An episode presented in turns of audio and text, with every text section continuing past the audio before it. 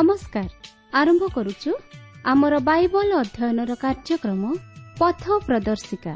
ପବିତ୍ର ବାଇବଲ କହେ ହେ ପରିଶ୍ରାନ୍ତ ଭାରଗ୍ରସ୍ତ ଲୋକ ସମସ୍ତେ ମୋ ନିକଟକୁ ଆସ। ମୁଁ ତୁମମାନଙ୍କୁ ବିଶ୍ରାମ ଦେବି।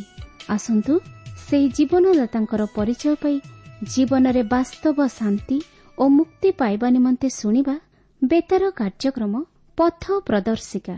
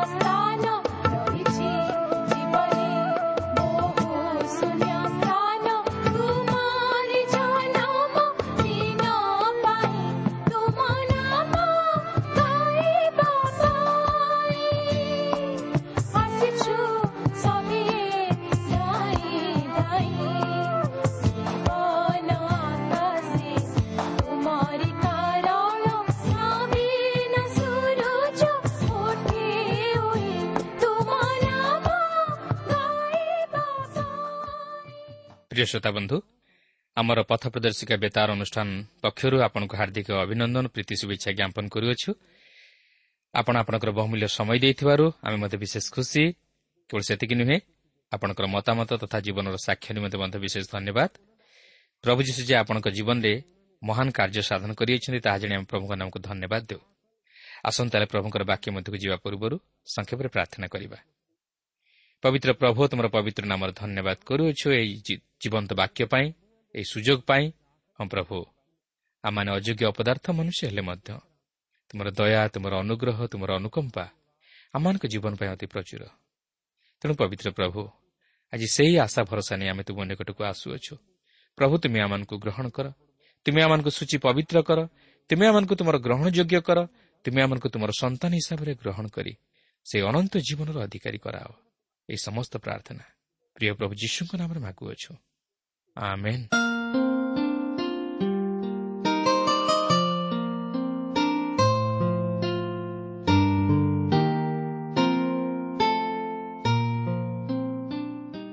ଆସନ୍ତୁ ବର୍ତ୍ତମାନ ଆମେ ପ୍ରଭୁଙ୍କର ବାକ୍ୟ ମଧ୍ୟକୁ ଯିବା. ଆଜି ଆମେ ପ୍ରେରିତ ସାତ ପର୍ବର ପ୍ରଥମ ପଦରୁ ଆରମ୍ଭ କରି ପଚାଶ ପଦ ପର୍ଯ୍ୟନ୍ତ ଅଧ୍ୟୟନ କରିବା ନିମନ୍ତେ ଯିବା।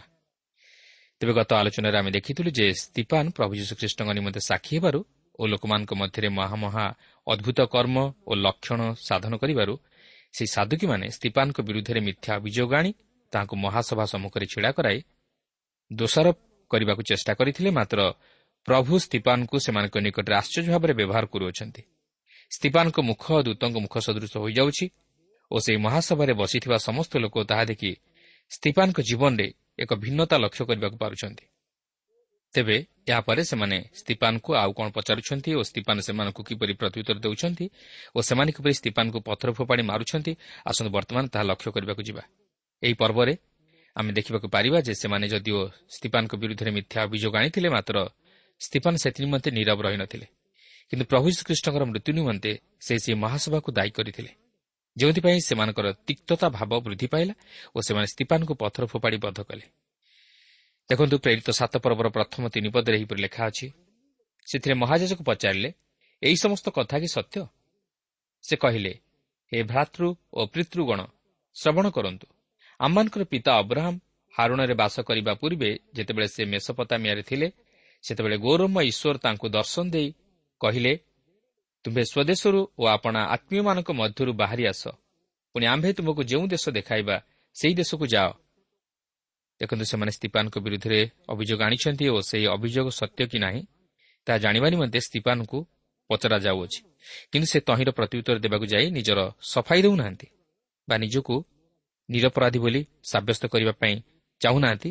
ଏପରିକି ସେମାନେ ଯେଉଁ ଅଭିଯୋଗ ତାହାଙ୍କ ବିରୁଦ୍ଧରେ ଆଣିଛନ୍ତି ସେହି ଅଭିଯୋଗ ବିଷୟ ନେଇ ମଧ୍ୟ ସେ କିଛି କହୁନାହାନ୍ତି। ମାତ୍ର ସେ ସେମାନଙ୍କ ପ୍ରଶ୍ନର ଉତ୍ତର ଏକ ଚମତ୍କାର ଭାବେ ଦେବାକୁ ଯାଉଅଛନ୍ତି। ସେ ସେମାନଙ୍କୁ ସେହି ପୁରାତନ ନିୟମର ଅବ୍ରାହମଙ୍କର ସମୟ ଆଡ଼କୁ ନେଇଯାଉଛନ୍ତି ଯେଉଁଠାରୁ କି ଇସ୍ରାଏଲ୍ ଜାତିର ଇତିହାସ ଆରମ୍ଭ। ଏହି ଅବ୍ରାହମ ଜଣେ ବିଶ୍ୱାସୀ ଥିଲେ ସେ ଈଶ୍ୱରଙ୍କଠାରେ ବିଶ୍ୱାସ କରିଥିଲେ ଏବଂ ସେ ଈଶ୍ୱରଙ୍କର ବାଧ୍ୟ ହୋଇଥିଲେ। ସ୍ତିପାନ ସେହି ଟାଇଗ୍ରିସ୍ ଓ ୟୁଫ୍ରାଟିସ୍ ଉପତ୍ୟକାର ସେହି ମେଷପତ୍ୟାମିଆ ଅଞ୍ଚଳରୁ ଅବ୍ରାହମଙ୍କର ଜୀବନ କାହାଣୀ ଆରମ୍ଭ କରନ୍ତି ତାହିଁ ଥିଲା ଅବ୍ରାହମଙ୍କର ନିଜର ମାତୃଭୂମି। ଆଉ ଏହି ସ୍ଥାନରୁ ଈଶ୍ୱର ତାହାଙ୍କୁ ଆହ୍ୱାନ କଲେ। ତେବେ ସ୍ତିପାନ ସେମାନଙ୍କ ନିକଟରେ ଇସ୍ରାଏଲ୍ ଜାତିର ଇତିହାସକୁ ଆଣି ଉପସ୍ଥାପିତ କରିବାର କାରଣ ହେଉଛି ଯେ ସେ ଜଣାଇ ଦେବାକୁ ଚାହିଁଥିଲେ ଯେ ଯେଉଁ ପ୍ରଭୁ ଯୀଶୁଙ୍କୁ ସେମାନେ ଅଗ୍ରାହ୍ୟ କରୁଅଛନ୍ତି ସେହି ପ୍ରଭୁ ଯୀଶୁ ଅବ୍ରାହମଙ୍କ ସନ୍ତାନ ଓ ଦାଉଦଙ୍କ ସନ୍ତାନ ଓ ଯେଉଁ ମୂଷାଙ୍କର ବ୍ୟବସ୍ଥାକୁ ସେମାନେ ଗୁରୁତ୍ୱ ଦିଅନ୍ତି ସେହି ବ୍ୟବସ୍ଥା ମଧ୍ୟ ତାହାଙ୍କ ବିଷୟରେ ସାକ୍ଷ୍ୟ ଦିଏ ଓ ତାହାଙ୍କ ଜୀବନରେ ସଫଳ ହୋଇଅଛି ଓ ତାହାଙ୍କୁ ଉପସ୍ଥାପିତ କରେ। ସ୍ତିପାନ ଏଠାରେ ଇସ୍ରାଏଲ୍ ଜାତିର ଇତିହାସକୁ ଉପସ୍ଥାପିତ କରିବା ମଧ୍ୟରେ ସ୍ପଷ୍ଟ କରାଇ ଦିଅନ୍ତି ଯେ ସମଗ୍ର ଇସ୍ରାଏଲ୍ ଜାତି ଈଶ୍ୱରଙ୍କୁ ଉପାସନା କରିବାର ବିଷୟ କେବେ ହେଲେ ଦେଖାଯାଇ ନଥିଲା। ତଥାପି ସେମାନଙ୍କ ମଧ୍ୟରେ ସଦାସର୍ବଦା ଅଳ୍ପ କେତେକ ବାସ୍ତବ ବିଶ୍ୱାସୀ ଥିଲେ। ଯଦିଓ ଇସ୍ରାଏଲ୍ ଜାତି ଈଶ୍ୱରଙ୍କ ବିରୁଦ୍ଧରେ ବିରୋଧାଚରଣ କରୁଥିଲେ ଓ ବିଦ୍ରୋହାଚରଣ କରୁଥିଲେ ତଥାପି ସେମାନଙ୍କ ମଧ୍ୟରେ ଅଳ୍ପ କେତେକ ବିଶ୍ୱାସୀ ରହୁଥିଲେ ଯାହାକି ବର୍ତ୍ତମାନ ମଧ୍ୟ ଖ୍ରୀଷ୍ଟୀୟ ମଣ୍ଡଳୀମାନଙ୍କ ମଧ୍ୟରେ ଦେଖାଯାଏ। ତେବେ ସ୍ତିପାନ ଏଠାରେ ଏହିପରି ପ୍ରକାଶ କରନ୍ତି ଯେ ଈଶ୍ୱର ଅବ୍ରାହମକୁ ଆହ୍ୱାନ କଲେ ଓ ତାହାଙ୍କ ଗୃହରୁ ତଥା ପରିବାର ମଧ୍ୟରୁ ତାହାଙ୍କୁ ବାହାର କରି ଆଣିଲେ କାରଣ ତାହା ପ୍ରତିମା ପୂଜାର ଗୃହ ଥିଲା। ଏହାପରେ ସାତ ପର୍ବର ଚାରିପଦରୁ ପାଞ୍ଚ ପଦ ମଧ୍ୟରେ ଆମେ ଦେଖୁ ଯେ ସେ ଅବ୍ରାହମଙ୍କର ଜୀବନ କାହାଣୀକୁ ଉପସ୍ଥାପିତ କରୁଅଛନ୍ତି। ଏହା ଅବ୍ରାହମଙ୍କର ବିଶ୍ୱାସର ଜୀବନକୁ ପ୍ରକାଶ କରେ। ଈଶ୍ୱର ତାହାଙ୍କୁ ଏକ ସନ୍ତାନ ଓ ଭୂମି ଦେବେ ବୋଲି ପ୍ରତିଜ୍ଞା କରିଥିଲେ କିନ୍ତୁ ଅବ୍ରାହମଙ୍କର ଯଦିଓ ତାହା ନଥିଲା ମାତ୍ର ସେ ଈଶ୍ୱରଙ୍କଠାରେ ବିଶ୍ୱାସ କରିଥିଲେ। ଏହାପରେ ଛଅ ପଦରୁ ଆଠ ପଦ ମଧ୍ୟରେ ସ୍ତିପାନ ଅବ୍ରାହମଙ୍କଠାରୁ ଆରମ୍ଭ କରି ପିତୃକୁଳପତିଙ୍କ ସମୟ ପର୍ଯ୍ୟନ୍ତ ଘଟିଥିବା ଘଟଣାଗୁଡ଼ିକୁ ଉପସ୍ଥାପିତ କରନ୍ତି। ସେ ଜୋସେଫଙ୍କର ଭାଇମାନଙ୍କ ବିଷୟରେ ପ୍ରକାଶ କରନ୍ତି ଯେଉଁମାନେ କି ଜୋସେଫଙ୍କ ସହିତ ଶତ୍ରୁତା ଆଚରଣ କରି ତାହାଙ୍କୁ ବଣିକମାନଙ୍କ ହସ୍ତରେ ବିକ୍ରୟ କରି ମିଶ୍ରକୁ ପଠାଇଦେଲେ। କିନ୍ତୁ ଈଶ୍ୱର ତାହାଙ୍କର ମହାନ ଯୋଜନା ଅନୁଯାୟୀ ସମସ୍ତ ବିଷୟକୁ ନିୟନ୍ତ୍ରଣାଧୀନ କରି ଜୋସେଫଙ୍କ ଦ୍ୱାରା ତାହାଙ୍କର ଭାଇମାନଙ୍କୁ ରକ୍ଷା କଲେ। ଏହା ଯେ ସ୍ତିପାନଙ୍କର ବାକ୍ୟ ଥିଲା ତାହା ନୁହେଁ। ମାତ୍ର ପବିତ୍ର ଆତ୍ମା ସ୍ତିପାନଙ୍କ ମୁଖ ଦ୍ୱାରା ପୁରାତନ ନିୟମର ବିଷୟବସ୍ତୁର ଭାଷାନ୍ତର କରି ପ୍ରକାଶ କରନ୍ତି। ତାହିଁ ଏଠାରେ ଲକ୍ଷ୍ୟ କରିବାର ବିଷୟ। ଏହାପରେ ନଅ ପଦରୁ ଷୋହଳ ପଦ ମଧ୍ୟରେ ଆମେ ଦେଖୁ ଯେ ସ୍ତିପାନ ଏହି ଇସ୍ରାଏଲ୍ ସନ୍ତାନଗଣର ଆଉ ଏକ ଐତିହାସିକ ସମୟ ମଧ୍ୟକୁ ଆସନ୍ତି। ସେ ସେମାନଙ୍କୁ ସେହି ଇସ୍ରାଏଲ୍ ଜାତିର ମିଶରର ଦାସତ୍ୱ ବନ୍ଧନରୁ ମୁକୁଳିତ ହେବା ବିଷୟକୁ ସ୍ମରଣ କରାଇଦେବାକୁ ଯାଉଅଛନ୍ତି। ଈଶ୍ୱର ମୂଷାଙ୍କୁ ଉଦ୍ଧାରକର୍ତ୍ତା ରୂପେ ବ୍ୟବହାର କଲେ ଏବଂ ସେ ଦେଖାଇ ଦିଅନ୍ତି ଯେ ଇସ୍ରାଏଲ୍ ସନ୍ତାନଗଣ ପ୍ରଥମେ ମୂଷାଙ୍କର କଥାକୁ ବିଶ୍ୱାସ କଲେ ନାହିଁ କି ତାହାଙ୍କର ଅନୁଗାମୀ ହେବାକୁ ଇଚ୍ଛା କଲେ ନାହିଁ। ଯେଉଁଥିପାଇଁ ପଥ ମଧ୍ୟରେ ସେମାନଙ୍କ ସହିତ ମୂଷାଙ୍କର ସମସ୍ୟା ଉପୁଜିଲା ଯାହାକି ସେ ସାତ ପର୍ବର ସତରରୁ ଏକୋଇଶ ପଦ ମଧ୍ୟରେ ପ୍ରକାଶ କରିଅଛନ୍ତି। ତେବେ ଏଠାରେ ସ୍ତିପାନଙ୍କ ମତାମତ ଅନୁଯାୟୀ ଯଦି ରାମସେସ୍ ଦ୍ୱିତୀୟ ଫାରୋ ଥିଲେ ତାହେଲେ ମୂଷା ପରବର୍ତ୍ତୀ ଫାରୋ ହୋଇଥାନ୍ତେ। କାରଣ ଫାରୋଙ୍କର କନ୍ୟା ମୂଷାଙ୍କୁ ନିଜର ପୁତ୍ର ପରି ଲାଳନ ପାଳନ କଲେ। ତାଛଡ଼ା ଫାରୋଙ୍କର ମଧ୍ୟ କୌଣସି ପୁତ୍ର ସନ୍ତାନ ନଥିଲା। ତେଣୁକରି ମୂଷା ସେହି ଫାରୋଙ୍କ ସ୍ଥାନ ଅଧିକାର କରିବାର ଯଥେଷ୍ଟ ସମ୍ଭାବନା ଥିଲା। ଏହାପରେ ସାତ ପର୍ବର ବାଇଶ ପଦରେ ସେ ପ୍ରକାଶ କରନ୍ତି ଯେ ମୂଷା ମିଶରୀୟମାନଙ୍କ ଶିକ୍ଷା ଓ ଜ୍ଞାନରେ ବୃଦ୍ଧି ପାଇବାକୁ ଲାଗିଲେ। ଆଉ ଆପଣ ଦେଖନ୍ତୁ ମିଶରୀୟମାନଙ୍କ ଶିକ୍ଷା ଦୀକ୍ଷା ଓ ଜ୍ଞାନର ପ୍ରଭାବ ବର୍ତ୍ତମାନ ମଧ୍ୟ ଏହି ଆଧୁନିକ ଯୁଗର ଅଗ୍ରଗତିରେ ଏକ ସଫଳ ରୂପରେଖ ପ୍ରଦାନ କରେ। ଗଣିତ ଶାସ୍ତ୍ରରେ ରସାୟନ ଶାସ୍ତ୍ରରେ କଳା ସ୍ଥାପତ୍ୟ କ୍ଷେତ୍ରରେ ସେମାନଙ୍କର ପାରଦର୍ଶିତା ଥିଲା ଯାହାକି ବର୍ତ୍ତମାନ ମଧ୍ୟ ଅଧ୍ୟୟନ କ୍ଷେତ୍ରରେ ତହିଁର ପ୍ରଭାବ ପଡ଼ୁଅଛି। ଏପରିକି ଶବଗୁଡ଼ିକୁ ପୁତିଘ୍ନ ଦ୍ରବ୍ୟାକ୍ତ କରି ସେହିସବୁକୁ ପିରାମିଡ୍ ମଧ୍ୟରେ କିପରି ଦୀର୍ଘଦିନ ଧରି ରଖାଯାଇପାରିବ ତାହା ମଧ୍ୟ ସେହି ମିଶରୀୟମାନଙ୍କର ଜ୍ଞାନର ପରାକାଷ୍ଠା। ଏପରିକି ପୃଥିବୀଠାରୁ ସୂର୍ଯ୍ୟର ଦୂରତ୍ୱ କେତେ ତାହା ମଧ୍ୟ ସେମାନେ ଗଣନା କରିପାରିଥିଲେ। ଆଉ ବାସ୍ତବରେ ସେମାନଙ୍କର ଜ୍ଞାନର ନୈପୁଣ୍ୟତା ଦୃଷ୍ଟିରୁ ସେମାନେ ସଭ୍ୟତାର ଶୀର୍ଷ ସ୍ଥାନରେ ପହଞ୍ଚି ପାରିଥିଲେ। ତେଣୁକରି ମୂଷା ମଧ୍ୟ ସେହି ଫାରଙ୍କର କନ୍ୟା ଦ୍ୱାରା ଲାଳିତ ପାଳିତ ହୋଇ ମିଶରୀୟମାନଙ୍କର ଶିକ୍ଷା ଦୀକ୍ଷାରେ ବୃଦ୍ଧି ପାଇବାକୁ ଲାଗିଲେ। ସେ ମିଶରୀୟମାନଙ୍କର ସମସ୍ତ ବିଦ୍ୟାରେ ପାରଦର୍ଶିତା ଲାଭ କରିଥିଲେ। କିନ୍ତୁ ତଥାପି ସେ ଈଶ୍ୱରଙ୍କ ଲୋକମାନଙ୍କର ନେତୃତ୍ୱ ନେବା ନିମନ୍ତେ ନିଜକୁ ପ୍ରସ୍ତୁତ କରିପାରି ନଥିଲେ ବା ଅନ୍ୟ ଅର୍ଥରେ କହିବାକୁ ଗଲେ ସକ୍ଷମ ନଥିଲେ। ସେହି ସମସ୍ତ ଜାଗତିକ ଜ୍ଞାନ ତାହାଙ୍କୁ ଈଶ୍ୱରଙ୍କ ଲୋକମାନଙ୍କର ନେତୃତ୍ୱ ନେବା ନିମନ୍ତେ ସହାୟକ ହୋଇପାରିନଥିଲା ଆଜି ଲୋକମାନେ ଯେଉଁ ସମସ୍ତ ଜ୍ଞାନ ଆହରଣ କରନ୍ତି ତାହା ଈଶ୍ୱରଙ୍କ ବାକ୍ୟର ଗଭୀର ବିଷୟ ବୁଝିବା ନିମନ୍ତେ ଯଥେଷ୍ଟ ନୁହେଁ। କାରଣ ଜଗତର ଜ୍ଞାନ ଈଶ୍ୱରଙ୍କ ନିକଟରେ ମୂର୍ଖତାର ସମାନ। ଆମେ ଜଗତର ଜ୍ଞାନରେ ଈଶ୍ୱରଙ୍କ ବାକ୍ୟର ଗଭୀର ବିଷୟ ସବୁକୁ ବୁଝିବା ନିମନ୍ତେ ସମର୍ଥ ହୋଇପାରିବା ନାହିଁ। ଏଥିନିମନ୍ତେ ଐଶ୍ୱରିକ ଜ୍ଞାନର ଆବଶ୍ୟକତା ଅଛି। ନଚେତ୍ ଏହା ତାହା ନିମନ୍ତେ ଅତି ଜଟିଳ ହେବ। କାହିଁକି ଜାଣନ୍ତି? ଯେହେତୁ ଜଣେ ସାଧାରଣ ମନୁଷ୍ୟ ଈଶ୍ୱରଙ୍କ ଆତ୍ମାଙ୍କର ବିଷୟ ସବୁକୁ ବୁଝିପାରିବ ନାହିଁ। ଯେହେତୁ ଏହା ତାହା ନିମନ୍ତେ ମୂଲ୍ୟହୀନ ପରି ମନେ ହୁଏ।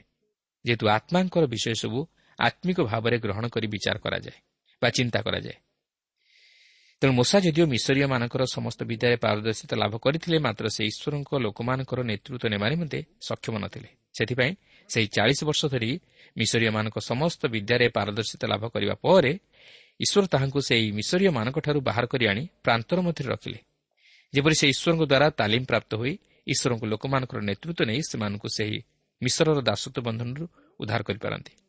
ଦେଖନ୍ତୁ ସାତ ପର୍ବର ତେଇଶରୁ ପଚିଶ ପଦରେ ଏହିପରି ଲେଖା ଅଛି ତାଙ୍କ ଚାଳିଶ ବର୍ଷ ପୂର୍ଣ୍ଣ ହେଉଥିବା ସମୟରେ ଆପଣ ଭାଇମାନଙ୍କୁ ଅର୍ଥାତ୍ ଇସ୍ରାଏଲ୍ ସନ୍ତାନମାନଙ୍କୁ ଶଙ୍ଖଳିବା ନିମନ୍ତେ ତାଙ୍କ ଇଚ୍ଛା ଜାତ ହେଲା। ସେତେବେଳେ ଜଣଙ୍କ ପ୍ରତି ଅନ୍ୟାୟ କରାଯାଉଥିବା ଦେଖି ସେ ତାହାର ସପକ୍ଷ ହେଲେ ଓ ସେହି ମିଶରୀୟ ଲୋକକୁ ବଧ କରି ଉପଦ୍ରବ ପାଉଥିବା ଲୋକ ପ୍ରତି ଅନ୍ୟାୟର ପ୍ରତିକାର କଲେ। ତାଙ୍କ ହସ୍ତଦ୍ୱାରା ଈଶ୍ୱର ଯେ ତାଙ୍କ ଭାଇମାନଙ୍କୁ ଉଦ୍ଧାର କରୁଅଛନ୍ତି ଏହା ସେମାନେ ବୁଝିବେ ବୋଲି ସେ ମନେ କରିଥିଲେ କିନ୍ତୁ ସେମାନେ ବୁଝିଲେ ନାହିଁ। ଲକ୍ଷ୍ୟ କରନ୍ତୁ ମୂଷା ଯାହା କରୁଅଛନ୍ତି ତାହା ଭଲ ବୋଲି ଭାବୁଛନ୍ତି ମାତ୍ର ତାହା ମଧ୍ୟ ଠିକ୍ ନଥିଲା। ମୂଷା ତାହାଙ୍କର ଭାଇମାନଙ୍କୁ ଉଦ୍ଧାର କରିବା ନିମନ୍ତେ ଏହିପରି କଲେ। ମାତ୍ର ସେମାନେ ତାହା ବୁଝିପାରିଲେ ନାହିଁ। ଓ ସେ ମୂଷା ମଧ୍ୟ ନିଜେ ତାହା ବୁଝିପାରିନଥିଲେ କାରଣ ମୂଷା ସେ ପର୍ଯ୍ୟନ୍ତ ପ୍ରସ୍ତୁତ ନଥିଲେ। ତାଛଡ଼ା ଈଶ୍ୱର ମଧ୍ୟ ଚାହିଁନଥିଲେ ମୂଷା ଏହିପରି ଭାବେ ଉଦ୍ଧାର କରନ୍ତୁ ବୋଲି। ତେଣୁକରି ସେ ତାହାଙ୍କୁ ସେହି ପ୍ରାନ୍ତର ମଧ୍ୟକୁ କଢ଼ାଇ ନେଇଥିଲେ ଯେଉଁଠାରେ ସେ ଆହୁରି ଚାଳିଶ ବର୍ଷ ଧରି ଈଶ୍ୱରଙ୍କ ଦ୍ୱାରା ତାଲିମ ପ୍ରାପ୍ତ ହୋଇଥିଲେ ଓ ସେହି ପ୍ରାନ୍ତର ଥିଲା ମିଦିଅନର ପ୍ରାନ୍ତର ଏହାପରେ ସାତ ପର୍ବର ଛବିଶରୁ ଅଠେଇଶ ପଦରେ ଆମେ ଦେଖୁ ଯେ ମୂଷା ଯେପରି ଭାବୁଥିଲେ ଏହା ସେତେ ସହଜ ନଥିଲା ସେମାନେ ମୂଷାଙ୍କୁ ଓଲ୍ଟା ବୁଝିଲେ ଓ ସେମାନେ ମୂଷାଙ୍କୁ ଜଣେ ଉଦ୍ଧାରକର୍ତ୍ତା ରୂପେ ଗ୍ରହଣ ନ କରି ତାହାଙ୍କୁ ଦୋଷାରୋପ କଲେ। ବର୍ତ୍ତମାନ ମୂଷା ମଧ୍ୟ ଏହି କଥା ଶୁଣି ଭୟ କରୁଅଛନ୍ତି କାରଣ ତାହାଙ୍କର ସେହି ଅପକାର୍ଯ୍ୟ ଫାରଙ୍କର କର୍ଣ୍ଣଗୋଚର ହୋଇଯିବାର ଆଶଙ୍କା କରି ସେ ଭୟ କରୁଅଛନ୍ତି। ସାତ ପର୍ବର ଅଣତିରିଶରୁ ବତିଶ ପଦରେ ଆମେ ଦେଖୁ ଯେ ମୂଷା ଇସ୍ରାଏଲ୍ ସନ୍ତାନଗଣକୁ ଉଦ୍ଧାର କରିବା ନିମନ୍ତେ ଚାହିଁଲେ ମାତ୍ର ସେ ତହିଁ ନିମନ୍ତେ ପ୍ରସ୍ତୁତ ନଥିଲେ କି ଲୋକମାନେ ତାହାଙ୍କୁ ଉଦ୍ଧାରକର୍ତ୍ତା ରୂପେ ଗ୍ରହଣ କରିବା ନିମନ୍ତେ ପ୍ରସ୍ତୁତ ନଥିଲେ। ସେମାନେ ତାହାଙ୍କର ପ୍ରତିରୋଧ କଲେ କିନ୍ତୁ ବର୍ତ୍ତମାନ ଈଶ୍ୱର ତାହାଙ୍କୁ ଉଦ୍ଧାରକର୍ତ୍ତା ରୂପେ ଆହ୍ୱାନ କରୁଅଛନ୍ତି। ତେତିଶ ଓ ଚଉତିରିଶ ପଦରେ ଏହିପରି ଲେଖା ଅଛି ତତ୍ପରେ ପ୍ରଭୁ ତାଙ୍କୁ କହିଲେ ତୁମ୍ଭ ପାଦରୁ ପାଦୁକା କାଢ଼ିଦିଅ କାରଣ ତୁମେ ଯେଉଁ ସ୍ଥାନରେ ଠିଆ ହୋଇଅଛ ତାହା ପବିତ୍ର ଭୂମି।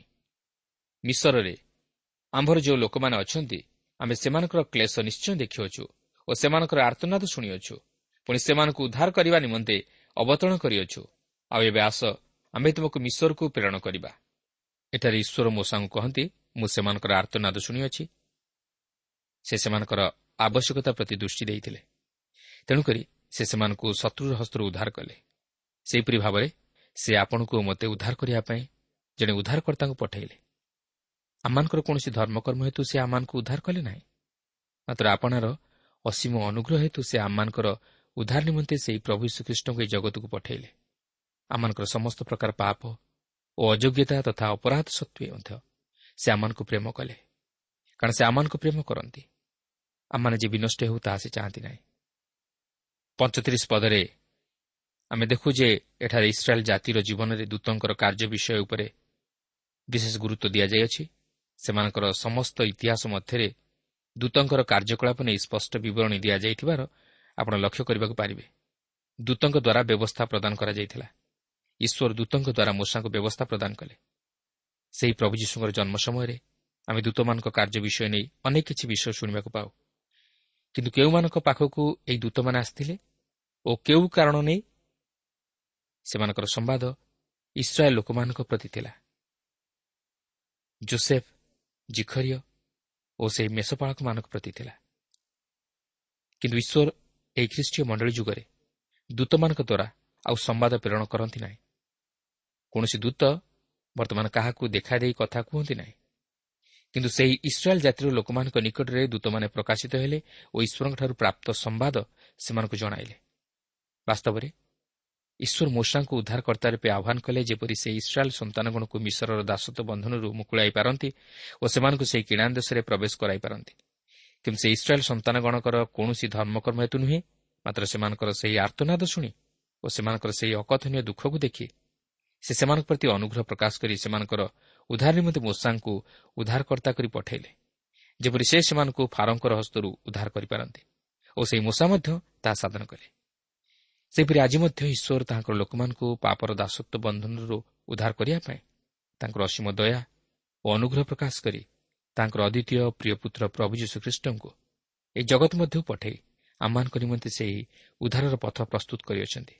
ଯେପରି ଆମେ ପ୍ରଭୁ ଯୀଶୁଖ୍ରୀଷ୍ଟଙ୍କଠାରେ ବିଶ୍ୱାସ କରିବା ଦ୍ୱାରା ପାପରୁ ଉଦ୍ଧାର ପାଇ ପରିତାଣର ଅଧିକାରୀ ହୋଇପାରୁ। ସେଦିନ ସେହି ଇସ୍ରାଏଲୀୟମାନେ ପ୍ରଭୁ ଯୀଶୁଙ୍କୁ ଉଦ୍ଧାରକର୍ତ୍ତା ରୂପେ ଗ୍ରହଣ କରିପାରିଲେ ନାହିଁ। କାରଣ ସେମାନେ ବ୍ୟବସ୍ଥା ଅନୁଯାୟୀ ସମସ୍ତ ଧର୍ମକର୍ମ ସାଧନ କରିବା ଦ୍ୱାରା ସ୍ୱର୍ଗପ୍ରାପ୍ତି ହୋଇଯିବେ ବୋଲି ଭାବୁଥିଲେ। ମାତ୍ର ସେମାନେ ବ୍ୟବସ୍ଥା ଅନୁଯାୟୀ ମଧ୍ୟ ସମସ୍ତ ଧର୍ମକର୍ମ ସାଧନ କରିପାରିନଥିଲେ। ସେମାନେ ଈଶ୍ୱରଙ୍କର ବିରୁଦ୍ଧାଚରଣ କାର୍ଯ୍ୟ କରିଥିଲେ। ତଥାପି ଈଶ୍ୱର ସେମାନଙ୍କ ପ୍ରତି ଆପଣାର ଅସୀମ ଦୟା ଓ ଅନୁଗ୍ରହ ପ୍ରକାଶ କରି ସେମାନଙ୍କ ନିମନ୍ତେ ଉଦ୍ଧାରର ପଥ ପ୍ରସ୍ତୁତ କଲେ ଓ ଯେଉଁମାନେ ଅନୁତାପ କରି ଫେରିଲେ ସେମାନେ ରକ୍ଷା ପାଇଲେ। ଆଜି ମଧ୍ୟ ସେହି ପ୍ରଭୁ ଶ୍ରୀଖ୍ରୀଷ୍ଟଙ୍କଠାରେ ହିଁ ଆମମାନଙ୍କର ଉଦ୍ଧାର ଅଛି। ଯଦି ଆମେ ନିଜର ପାପ ନିମନ୍ତେ ଅନୁତାପ କରି ନ ଫେରୁ ଓ ତାହାଙ୍କଠାରେ ବିଶ୍ୱାସ ନ କରୁ ତାହେଲେ ଆମେ ଉଦ୍ଧାର ପାଇପାରିବା ନାହିଁ। ତେଣୁ ସୁଯୋଗ ଥାଉଁ ଥାଉଁ ସୁଯୋଗର ସଦ୍ବ୍ୟବହାର କରୁ।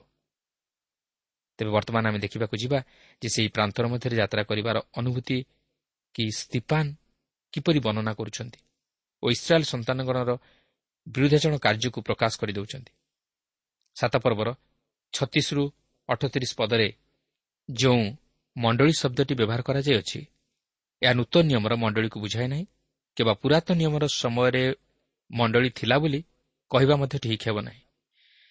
ମଣ୍ଡଳୀ ନିମନ୍ତେ ଯେଉଁ ଶବ୍ଦ ଗ୍ରୀକ୍ରେ ବ୍ୟବହାର କରାଯାଇଅଛି ତାହା ହେଉଛି ଏକ୍ଲିସିଆ ଯାହାର ଅର୍ଥ ହେଉଛି ଡକାଯିବା। ଏପରିକି ଦଳେ ଲୋକଙ୍କୁ ଡକାଯାଇ ଏକାଠି କରିବା ଦ୍ୱାରା ମଧ୍ୟ ତାହାକୁ ମଣ୍ଡଳୀ କୁହାଯାଇପାରେ ଯାହାକି ଏକ ଆହ୍ୱାନପ୍ରାପ୍ତ ଦଳ ବା ଡକାଯାଇଥିବା ଦଳ। ସେହିପରି ଭାବେ ଇସ୍ରାଏଲ୍ ଜାତି ସେହି ପ୍ରାନ୍ତର ମଧ୍ୟରେ ଏକ ଆହ୍ୱାନପ୍ରାପ୍ତ ବା ଡକାଯାଇଥିବା ଦଳ ଥିଲେ। ସେମାନେ ଈଶ୍ୱରଙ୍କ ଦ୍ୱାରା ମିଶ୍ର ଦେଶରୁ ଡକାଯାଇଥିଲେ। ଏକ ମହତ୍ ଉଦ୍ଦେଶ୍ୟ ନେଇ। ଏହାପରେ ଅଣଚାଳିଶରୁ ଚାଳିଶ ପଦରେ ଆମେ ଦେଖୁ ଯେ ସ୍ତିପାନ ଏଠାରେ ସେହି ଇସ୍ରାଏଲ୍ ବଂଶର ପୂର୍ବପୁରୁଷମାନଙ୍କର ଅନାଜ୍ଞାବହତା ବିଷୟ ନେଇ ପ୍ରକାଶ କରନ୍ତି। ସେମାନେ ମୂଷାଙ୍କର ଆଜ୍ଞାବହ ହୋଇ ରହିପାରିଲେ ନାହିଁ। ଯଦିଓ ସେମାନେ ଶାରୀରିକ ଭାବେ ମୂଷାଙ୍କ ସହିତରେ ଥିଲେ ମାତ୍ର ଆନ୍ତରିକ ଭାବେ ସେମାନେ ମିଶ୍ରରେ ଥିଲେ। ସେମାନେ ସେମାନଙ୍କ ହୃଦୟରେ ମିଶ୍ରକୁ ଫେରିଯାଇଥିଲେ। ଅର୍ଥାତ୍ ସେମାନଙ୍କ ହୃଦୟରେ ମିଶ୍ରକୁ ସ୍ଥାନ ଦେଇଥିଲେ। ଅନ୍ୟ ଅର୍ଥରେ କହିବାକୁ ଗଲେ ସେମାନେ ଜଗତକୁ ଓ ତହିଁର ଭୋଗବିଳାସକୁ ସ୍ଥାନ ଦେଇଥିଲେ। ହଁ ଏଠାରେ ଆମେ ସେମାନଙ୍କ ପ୍ରତି ଅଙ୍ଗୁଳି ଦେଖାଇ କହିପାରୁ ଯେ ସେମାନେ ଏପରି କରିବା ଠିକ୍ ନଥିଲା। କିନ୍ତୁ ଆଜି ଆମମାନେ କ'ଣ କରୁଛୁ? ଆମମାନଙ୍କର ଜୀବନରେ କ'ଣ ସେହିପରି ଦୁର୍ବଳତା ସବୁ ଦେଖାଯାଏ ନାହିଁ କି? ଆଜି ଆମମାନଙ୍କର ହୃଦୟ କେଉଁଠି? ଆଜି ଆମେ ଆମର ଏହି ଛୋଟ ହୃଦୟରେ ଆମେ କାହାକୁ ସ୍ଥାନ ଦେଇଅଛୁ? ଜଗତକୁ ନା ଈଶ୍ୱରଙ୍କୁ? ଆଜି ଆମେ ଆମର ହୃଦୟ ସେହି ଉଦ୍ଧାରକର୍ତ୍ତାଙ୍କୁ ନ ଦେଇ ତାହାଙ୍କୁ ଅନ୍ୟ ସବୁକିଛି ଦେଇଥାଉ ତାହାଙ୍କୁ ସନ୍ତୁଷ୍ଟ କରିବା ପାଇଁ ଓ ନିଜେ ଆତ୍ମସନ୍ତୋଷ ଲାଭ କରିବା ପାଇଁ। କିନ୍ତୁ ତାହା ସମ୍ଭବ ନୁହେଁ। ପ୍ରଭୁ ଆମମାନଙ୍କର ହୃଦୟ ଚାହାନ୍ତି ଅନ୍ୟ କୌଣସି ବିଷୟ ନୁହେଁ। ସେମାନେ ଜାଣିପାରିଲେ ନାହିଁ ମୂଷାଙ୍କ ପ୍ରତି କ'ଣ ଘଟିଅଛି ବା ମୂଷା କିପରି ଅଛନ୍ତି ବା କେଉଁଠି ଅଛନ୍ତି। କେବଳ ସେମାନେ ମୂଷାଙ୍କ ବିଷୟରେ ଆଦୌ ଯତ୍ନବାନ ନଥିଲେ। ସେମାନେ ମୂଷାଙ୍କୁ ପରିତ୍ୟାଗ କରି ବା ସେ ଉଦ୍ଧାରକର୍ତ୍ତାଙ୍କୁ ପରିତ୍ୟାଗ କରି ପ୍ରତିମା ପୂଜାର ଅନୁଗାମୀ ହେଲେ। ଏକଚାଳିଶ ପଦରେ ଲେଖା ଅଛି ଆଉ ସେହି ସମୟରେ ସେମାନେ ଗୋଟିଏ ଗୋବଶ୍ୟ ନିର୍ମାଣ କଲେ ଏବଂ ସେହି ପ୍ରତିମା ଉଦ୍ଦେଶ୍ୟରେ ବଳି ଉତ୍ସର କରି ଆପଣା ଆପଣା ହସ୍ତ ନିର୍ମିତ ବସ୍ତୁରେ ଆନନ୍ଦ କରିବାକୁ ଲାଗିଲେ। ସ୍ଥିପାନାଠାରେ ଇସ୍ରାଏଲ୍ ସନ୍ତାନଗଣଙ୍କର ବିଦ୍ରୋହାଚରଣକୁ ପ୍ରକାଶ କରନ୍ତି। ଈଶ୍ୱର ଯାହା ଚାହୁଁନଥିଲେ ସେମାନେ ତାହା କଲେ। ସେମାନେ ମୂର୍ତ୍ତି ପୂଜାରେ ଆସକ୍ତ ହେଲେ। ସେମାନେ ସତ୍ୟ ଈଶ୍ୱରଙ୍କୁ ପରିତ୍ୟାଗ କରି ନିଜର କାଳ୍ପନିକ ଚିନ୍ତାଧାରା ଅନୁଯାୟୀ କାର୍ଯ୍ୟ କରିବାକୁ ଲାଗିଲେ। ମିଶରୀୟମାନଙ୍କ ଦ୍ୱାରା ଏମାନେ ମଧ୍ୟ ପ୍ରଭାବିତ ହୋଇଥିଲେ। ଓ ସେହି ମିଶରୀୟମାନଙ୍କର ପ୍ରଭାବ ସେମାନଙ୍କ ଉପରେ ପଡ଼ିଥିଲା। ତେଣୁକରି ସେମାନେ ମୂଷାଙ୍କୁ ଦେଖି ନ ପାରିବାରୁ ଗୋଟିଏ ଗୋବୋତ୍ସ ନିର୍ମାଣ କରି ଓ ସେହି ପ୍ରତିମା ଉଦ୍ଦେଶ୍ୟରେ ବଳି ଉତ୍ସର କରି ତାହାକୁ ପୂଜା କରିବାକୁ ଲାଗିଲେ। ବୟାଳିଶ ପଦରେ ଏହିପରି ଲେଖା ଅଛି କିନ୍ତୁ ଈଶ୍ୱର ବିମୁଖ ହୋଇ ସେମାନଙ୍କୁ ଆକାଶ ବାହିନୀର ଉପାସନା କରିବାକୁ ଛାଡ଼ିଦେଲେ। ଯେପରି ମାଓବାଦୀମାନଙ୍କ ଶାସ୍ତ୍ରରେ ଲେଖା ଅଛି ହେ ଇସ୍ରାଏଲ୍ ବଂଶ ପ୍ରାନ୍ତରରେ ଚାଳିଶ ବର୍ଷ ପର୍ଯ୍ୟନ୍ତ ତୁମେମାନେ କ'ଣ ଆମ୍ଭ ଉଦ୍ଦେଶ୍ୟରେ ପଶୁ ବଳି ଓ ନୈବେଦ୍ୟ ଉତ୍ସର୍ଗ କରିଥିଲ? ପ୍ରକୃତରେ ସେମାନେ ପ୍ରତିମା ପୂଜାରେ ଆସକ୍ତ ହୋଇଥିଲେ। ସେଥିପାଇଁ ମୂଷା ଓ ପରେ ଝିଅସିଅ ମଧ୍ୟ ଲୋକମାନଙ୍କୁ ବିନତି କରି କହିଲେ ଯେପରି ସେମାନେ ଈଶ୍ୱରଙ୍କୁ ସ୍ମରଣ କରି ତାହାଙ୍କ ଆଡ଼କୁ ଫେରନ୍ତି ଓ ପ୍ରତିମା ପୂଜାରୁ ଦୂରରେ ରହନ୍ତି। କାରଣ ଈଶ୍ୱର ପ୍ରତିମା ପୂଜାକୁ ଘୃଣା କରନ୍ତି। ଆଜି ଅନେକ ଲୋକ ଆକାଶ ବାହିନୀର ଉପାସନା କରନ୍ତି। ଯେହେତୁ ସେମାନେ ସୂର୍ଯ୍ୟ ଚନ୍ଦ୍ର ଓ ଗ୍ରହ ନକ୍ଷତ୍ରକୁ ଭୟ କରି ସେହିସବୁର ଉପାସନା କରନ୍ତି। ମାତ୍ର ଯେଉଁ ଈଶ୍ୱର ସେହିସବୁର ସୃଷ୍ଟିକର୍ତ୍ତା ତାହାଙ୍କୁ ଭୟ କରନ୍ତି ନାହିଁ କି ତାହାଙ୍କର ଉପାସନା କରନ୍ତି ନାହିଁ। ତେୟାଳିଶରୁ ପଞ୍ଚଚାଳିଶ ପଦରେ ଏହିପରି ଲେଖା ଅଛି ବରଂ ତୁମେମାନେ ପୂଜା କରିବା ନିମନ୍ତେ ଯେଉଁ ମୂର୍ତ୍ତିଗୁଡ଼ାକ ଗଢ଼ିଥିଲ ସେହି ମୋଲଖର ତମ୍ବୁ ଓ ରମ୍ପା ଦେବତାର ନକ୍ଷତ୍ରକୁ ତୁମେମାନେ ଘେନି ବହନ କଲ। ଏଣୁ ଆମ୍ଭେ ତୁମମାନଙ୍କୁ ବାବିଲର ଆର ପାଖକୁ ନିର୍ବାସିତ କରିବା। ତୁମେ ଯେଉଁ ଆଦର୍ଶ ଦେଖିଅଛ ତଦନୁସାରେ ସାକ୍ଷତମ ନିର୍ମାଣ କର ବୋଲି ମୋଷାଙ୍କୁ ଯେ କହିଥିଲେ ତାହାଙ୍କ ଆଦେଶ ଅନୁଯାୟୀ ଆମମାନଙ୍କ ପିତୃପୁରୁଷମାନେ ପ୍ରାନ୍ତରରେ ସାକ୍ଷତମ ପାଇଥିଲେ। ଆଉ ଆମମାନଙ୍କ ପିତୃପୁରୁଷମାନେ ତାହା ପ୍ରାପ୍ତ ହୋଇ ଈଶ୍ୱର ସେମାନଙ୍କ ସମ୍ମୁଖରୁ ଯେଉଁ ଜାତିମାନଙ୍କୁ ବାହାର କରିଦେଲେ ସେହି ଜାତିମାନଙ୍କ ଅଧିକାରରେ ସେମାନେ ଝିଅଶିଓଙ୍କ ନେତୃତ୍ୱରେ ପ୍ରବେଶ କରି ତାହା ଦାଉଦଙ୍କ ସମୟ ପର୍ଯ୍ୟନ୍ତ ରଖିଲେ। ଏହି ସମସ୍ତ ଇସ୍ରାଏଲ୍ ଜାତିଙ୍କ ଜୀବନରେ ଘଟିଥିଲା। ସେମାନେ ଏହି କାରଣରୁ ବାବିଲନ୍କୁ ନିର୍ବାଚିତ ହେଲେ। ଏଠାରେ ଆମେ ଦେଖୁ ଯେ ସେମାନେ ମଧ୍ୟ ସାକ୍ଷତମୁ ପାଇଥିଲେ। ଯେଉଁ ତମ ମଧ୍ୟରେ ଥାଇ ସେମାନେ ଈଶ୍ୱରଙ୍କ ସହିତ ସହଭାଗିତା ସ୍ଥାପନ କରୁଥିଲେ ଓ ଈଶ୍ୱରଙ୍କର ଉପାସନା କରୁଥିଲେ ଓ ଏହି ସାକ୍ଷତମୁ ଦାଉଦଙ୍କ ସମୟ ପର୍ଯ୍ୟନ୍ତ ରଖିଥିଲେ। ଅନ୍ୟ ଅର୍ଥରେ କହିବାକୁ ଗଲେ ଦାଉଦଙ୍କ ସମୟ ପର୍ଯ୍ୟନ୍ତ ଇସ୍ରାଏଲ୍ ସନ୍ତାନଗଣ ସେହି ସାକ୍ଷତମ ମଧ୍ୟରେ ଈଶ୍ୱରଙ୍କର ଉପାସନା ପ୍ରଭୃତି କରୁଥିଲେ ଓ ତାହାଙ୍କ ସହ ସହଭାଗିତା ସ୍ଥାପନ କରୁଥିଲେ। କିନ୍ତୁ ଦାଉଦଙ୍କ ପରେ ଏହି ସାକ୍ଷତମ୍ବୁ ଅନ୍ୟ ଏକ ରୂପ ନେଲା ଯାହାକି ମନ୍ଦିର ବା ଏକ ଉପାସନା ଗୃହରେ ପରିଣତ ହେଲା। କିନ୍ତୁ ଏଠାରେ ଆମେ ଦେଖୁ ମୂଷାଙ୍କ ପରିବର୍ତ୍ତରେ ଆଉ ଜଣଙ୍କର ନାମ ଉଲ୍ଲେଖ ହୋଇଅଛି ଆଉ ସେ ହେଉଛନ୍ତି ଜୁହସିଓ ଏହି ଜୁହସିଓ ନାମକୁ ଯୀଶୁ ବୋଲି ମଧ୍ୟ ନାମିତ କରାଯାଏ। କାରଣ ପୁରାତନ ନିୟମରେ ଜୁହସିଓ ନାମ ଉଚ୍ଚାରିତ ହେବା ବେଳେ ନୂତନ ନିୟମରେ ଯୀଶୁ ବୋଲି ଉଚ୍ଚାରିତ ହୁଏ। ଛୟାଳିଶ ପଦରେ ଏହିପରି ଲେଖା ଅଛି ଦାଉଦ ଈଶ୍ୱରଙ୍କ ଦୃଷ୍ଟିରେ ଅନୁଗ୍ରହ ପାତ୍ର ହୋଇ ଜାକବଙ୍କର ଈଶ୍ୱରଙ୍କ ନିମନ୍ତେ ଗୋଟିଏ ବାସସ୍ଥାନ ଆୟୋଜନ କରିବା ପାଇଁ ପ୍ରାର୍ଥନା କଲେ। ଆପଣ ଦେଖନ୍ତୁ ମନ୍ଦିର ନିର୍ମାଣ କରିବା ଦାଉଦଙ୍କର ଚିନ୍ତାଧାରା ଥିଲା। କିନ୍ତୁ ସେ ତାହା ନିର୍ମାଣ କରିପାରିନଥିଲେ ମାତ୍ର ତାହାଙ୍କର ପୁତ୍ର ସଲୋମନ ନିର୍ମାଣ କରିଥିଲେ। ତେବେ ସେ ଯାଉନା କାହିଁକି? ମୋର ମତରେ ଯଦିଓ ଏହା ସଲମନଙ୍କ ଦ୍ୱାରା ନିର୍ମିତ ହୋଇଥିଲା ମାତ୍ର ଏହା ଦାଉଦଙ୍କ ମନ୍ଦିର ବୋଲି କୁହାଯିବା ଉଚିତ। କାରଣ ଦାଉଦ ଏହା ଆୟୋଜନ କରିଥିଲେ ଓ ଏଥି ନିମନ୍ତେ ମଧ୍ୟ ପ୍ରାର୍ଥନା କରିଥିଲେ। ଏହାପରେ ସତଚାଳିଶରୁ ପଚାଶ ପଦରେ ଆମେ ଦେଖୁ ଏହିପରି ଲେଖା ଅଛି କିନ୍ତୁ ସଲମନ ତାଙ୍କ ନିମନ୍ତେ ଗୋଟିଏ ଗୃହ ନିର୍ମାଣ କଲେ। ତଥାପି ଯେ ପରାତ୍ପର ସେ ହସ୍ତନିର୍ମିତ ଗୃହରେ ବାସ କରନ୍ତି ନାହିଁ। ଯେପରି ଭାଓବାଦୀ କହନ୍ତି ସ୍ୱର୍ଗ ଆମ୍ଭର ସିଂହାସନ ପୃଥିବୀ ଆମ୍ଭର ପାଦପୀଠ। ପ୍ରଭୁ କହନ୍ତି ତୁମେମାନେ ଆମ୍ଭ ନିମନ୍ତେ କି ପ୍ରକାର ଗୃହ ନିର୍ମାଣ କରିବ? କିମ୍ବା ଆମ୍ଭର ବିଶ୍ରାମ ସ୍ଥାନ କାହିଁ? ଆମ୍ଭର ହସ୍ତ କ'ଣ ଏହି ସମସ୍ତ ବିଷୟ ସୃଷ୍ଟି କରିନାହିଁ ବାସ୍ତବରେ ଈଶ୍ୱର ହସ୍ତ ନିର୍ମିତ ଗୃହରେ ବସବାସ କରନ୍ତି ନାହିଁ।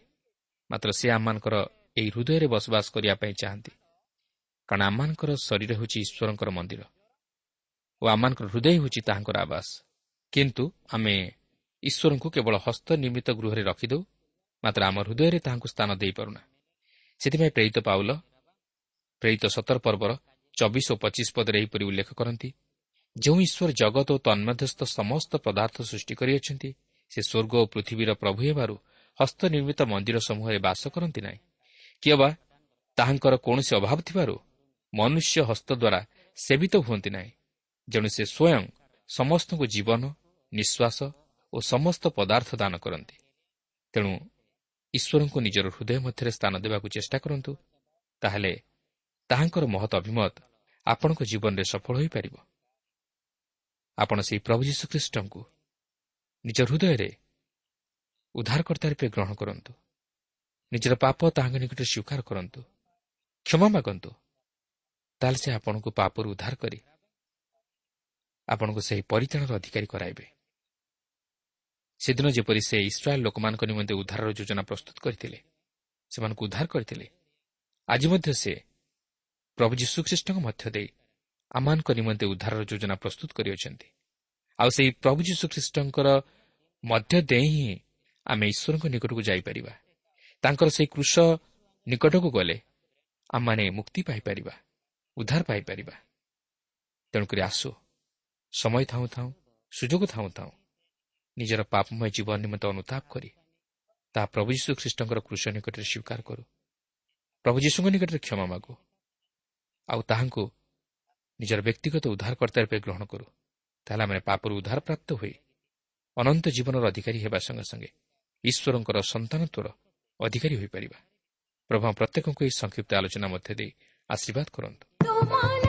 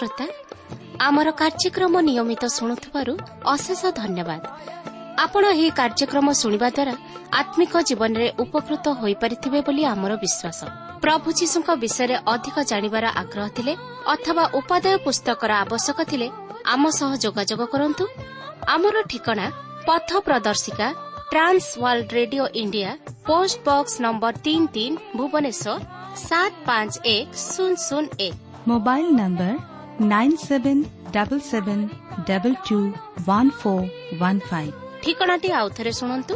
ପଥ ପ୍ରଦର୍ଶିକା Trans World radio India post box number three three Bhubaneswar seven five one zero zero one mobile number nine seven double seven double two one four one five ଆମର ଇମେଲ ଆଡ୍ରେସଟି ଲେଖି ରଖନ୍ତୁ Odia TTV at radio eight eight two dot com ତେବେ ଆଜି ପାଇଁ ବିଦାୟ ଦିଅନ୍ତୁ।